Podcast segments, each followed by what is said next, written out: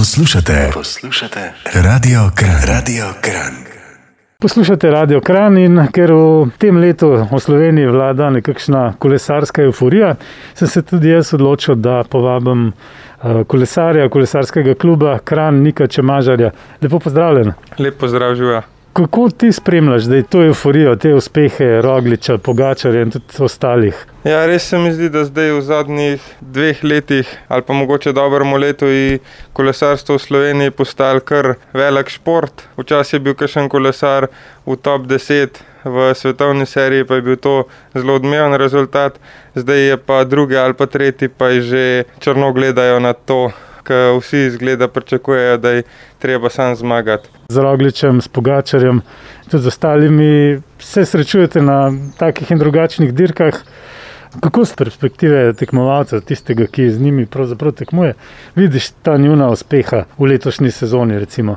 Ja, to prvo bi rad rekel, da za to, da enemu uspe zmagati, je zmeri od za cela ekipa, uh, tudi mehaniki, maserji, vsi, ki so pač vključeni v to to pa da one dva pa na koncu sta res tam v samem vrhu in to na turu, ker za ljudi, ki spremljajo kolesarstvo, je tu res nekaj več. Stadej sem dirkal sam kakšnih pet let in moram reči, da je res v redu fant.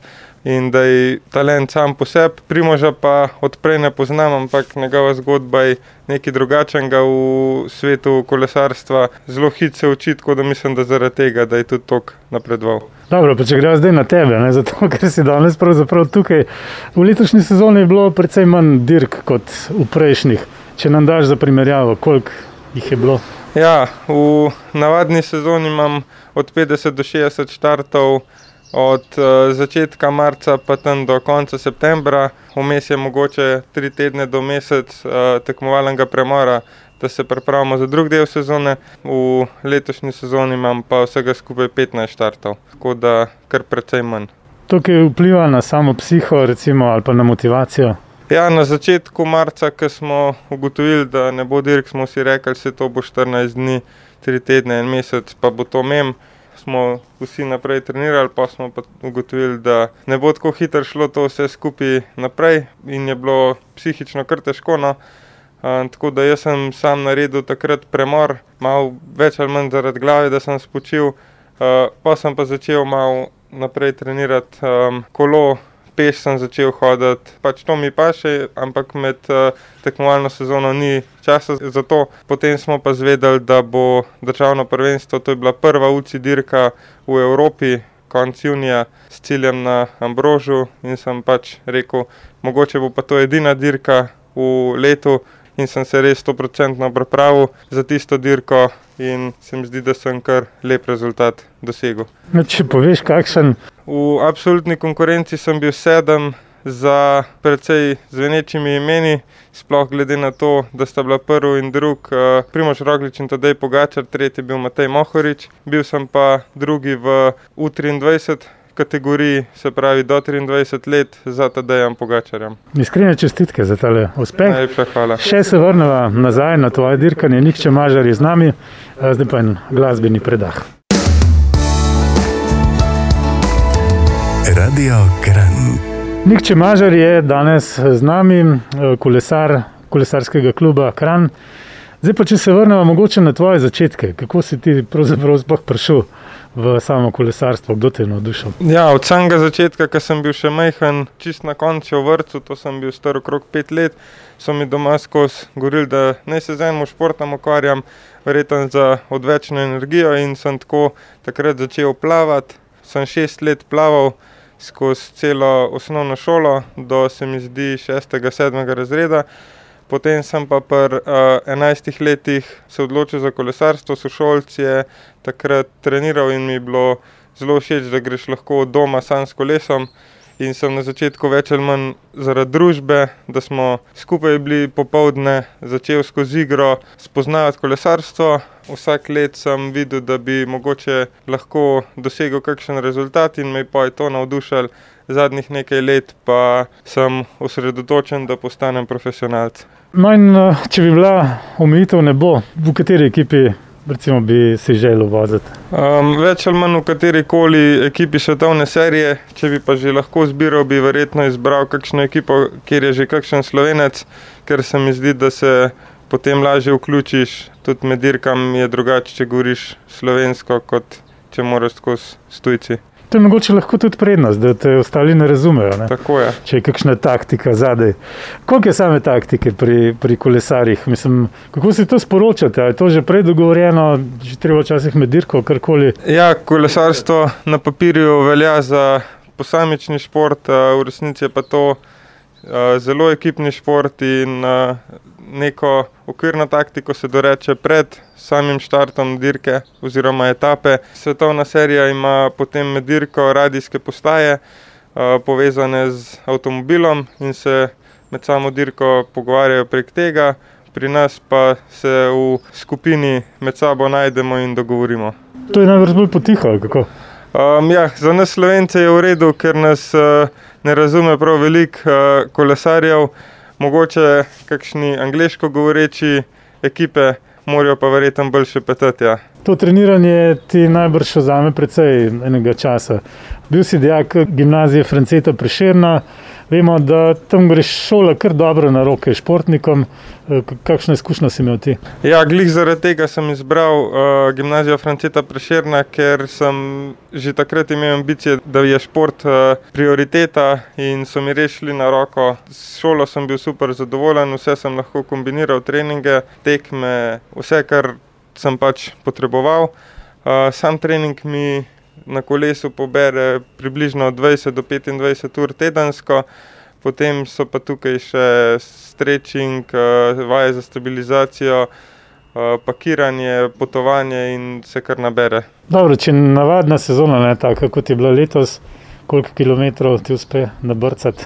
Um, glede kilometrov in ur treninga je približno isto, tudi ta sezona. Treniral sem isto, mogoče v tistih mestih, ki nismo vedeli, kako bo manj intenzivno, ampak na kolesu rad preživljam čas in sem bil na kolesu. Je pa ta številka približno 1000 ur letno, kilometrov pa enih 26 tisoč. Odvisno, če je več dirk, je mogoče več kilometrov, ker je poprečna hitrost večja. Um, letos sem bil več tudi na gorskem kolesu, kjer je hitrost nižja, tako da okvirno 26 tisoč km. Se to je verjetno nek standard, nekateri prevozijo mogoče celo več. Ne? Ja, kolesari v svetovni seriji, ki vozijo te Grand Toure, se pravi Giro, Tour, Velto, tam se naredi 3500 km v treh tednih, je pa številka večja, ampak um, več ali manj do približno 30 tisoč naredimo vsi. Brez servisa. Tako.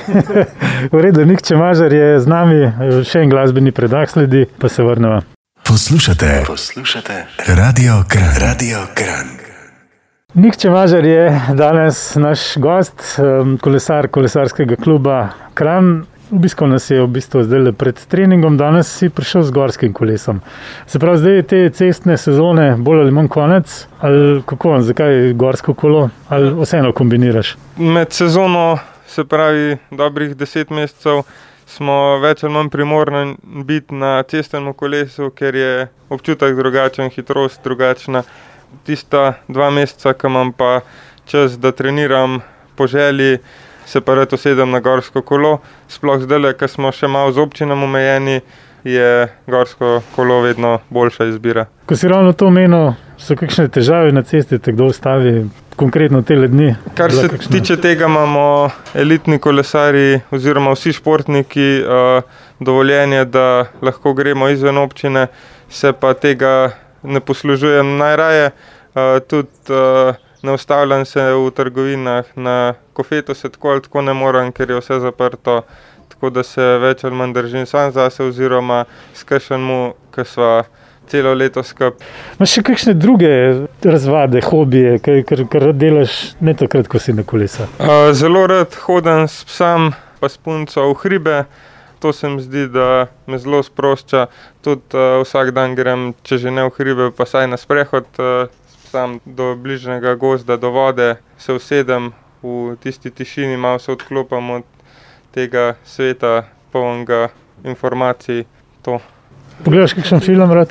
Kakšen dober film, ja, veliko rajš, pa kakšne serije, veliko um, takih, da jih humor noter, to mi zelo, da ni tisto pesimistično, ampak da te razvedri. Se pravi, prej smo že obdelali tvoje ambicije, tvoje želje. Vseeno, verjetno vsak kolesar pa bi enkrat bil na mestu Pogačarja, Rogliča. Kakšne cilje imaš v tem smislu? Ja. Dobro, tukaj v Sloveniji nekako si dosegel, kar skoraj vrha, ne? ampak vseeno. Ja, od samega štarta se mi zdi, da moraš biti realen sam pri sebi.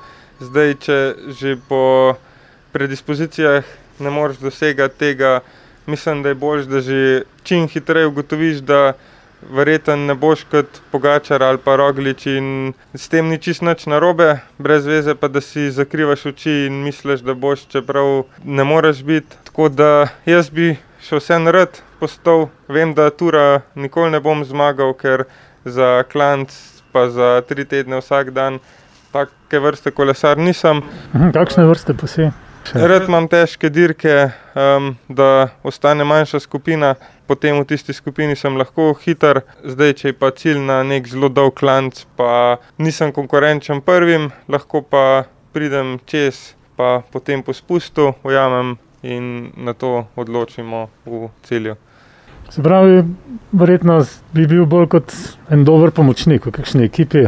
Od začetka se mi zdi, da je tako, ko prideš v svetovno elito, da ta prvi probaš pomagati ekipi, pa se nekaj naučiti, ker le je to en razred več, potem pa vidiš v tisti konkurenci, kam pašeš. Tudi če si dober pomočnik, s tem ni čisto nič narobe, vsak pogačar, vsak roglič, rab več kot enega dobrega pomočnika, tako da če bi se v tem najdel, bi bil tudi s tem super zadovoljen. Ja, mi ti želimo, da, da se boš najdel, da se bo to enkrat zgodil in da bomo poleg omenjenih dveh govorili tudi kdaj o tebi in še kakšnem. Super, najlepša hvala. Hvala za obisk in srečno. Hvala. Radio Kran.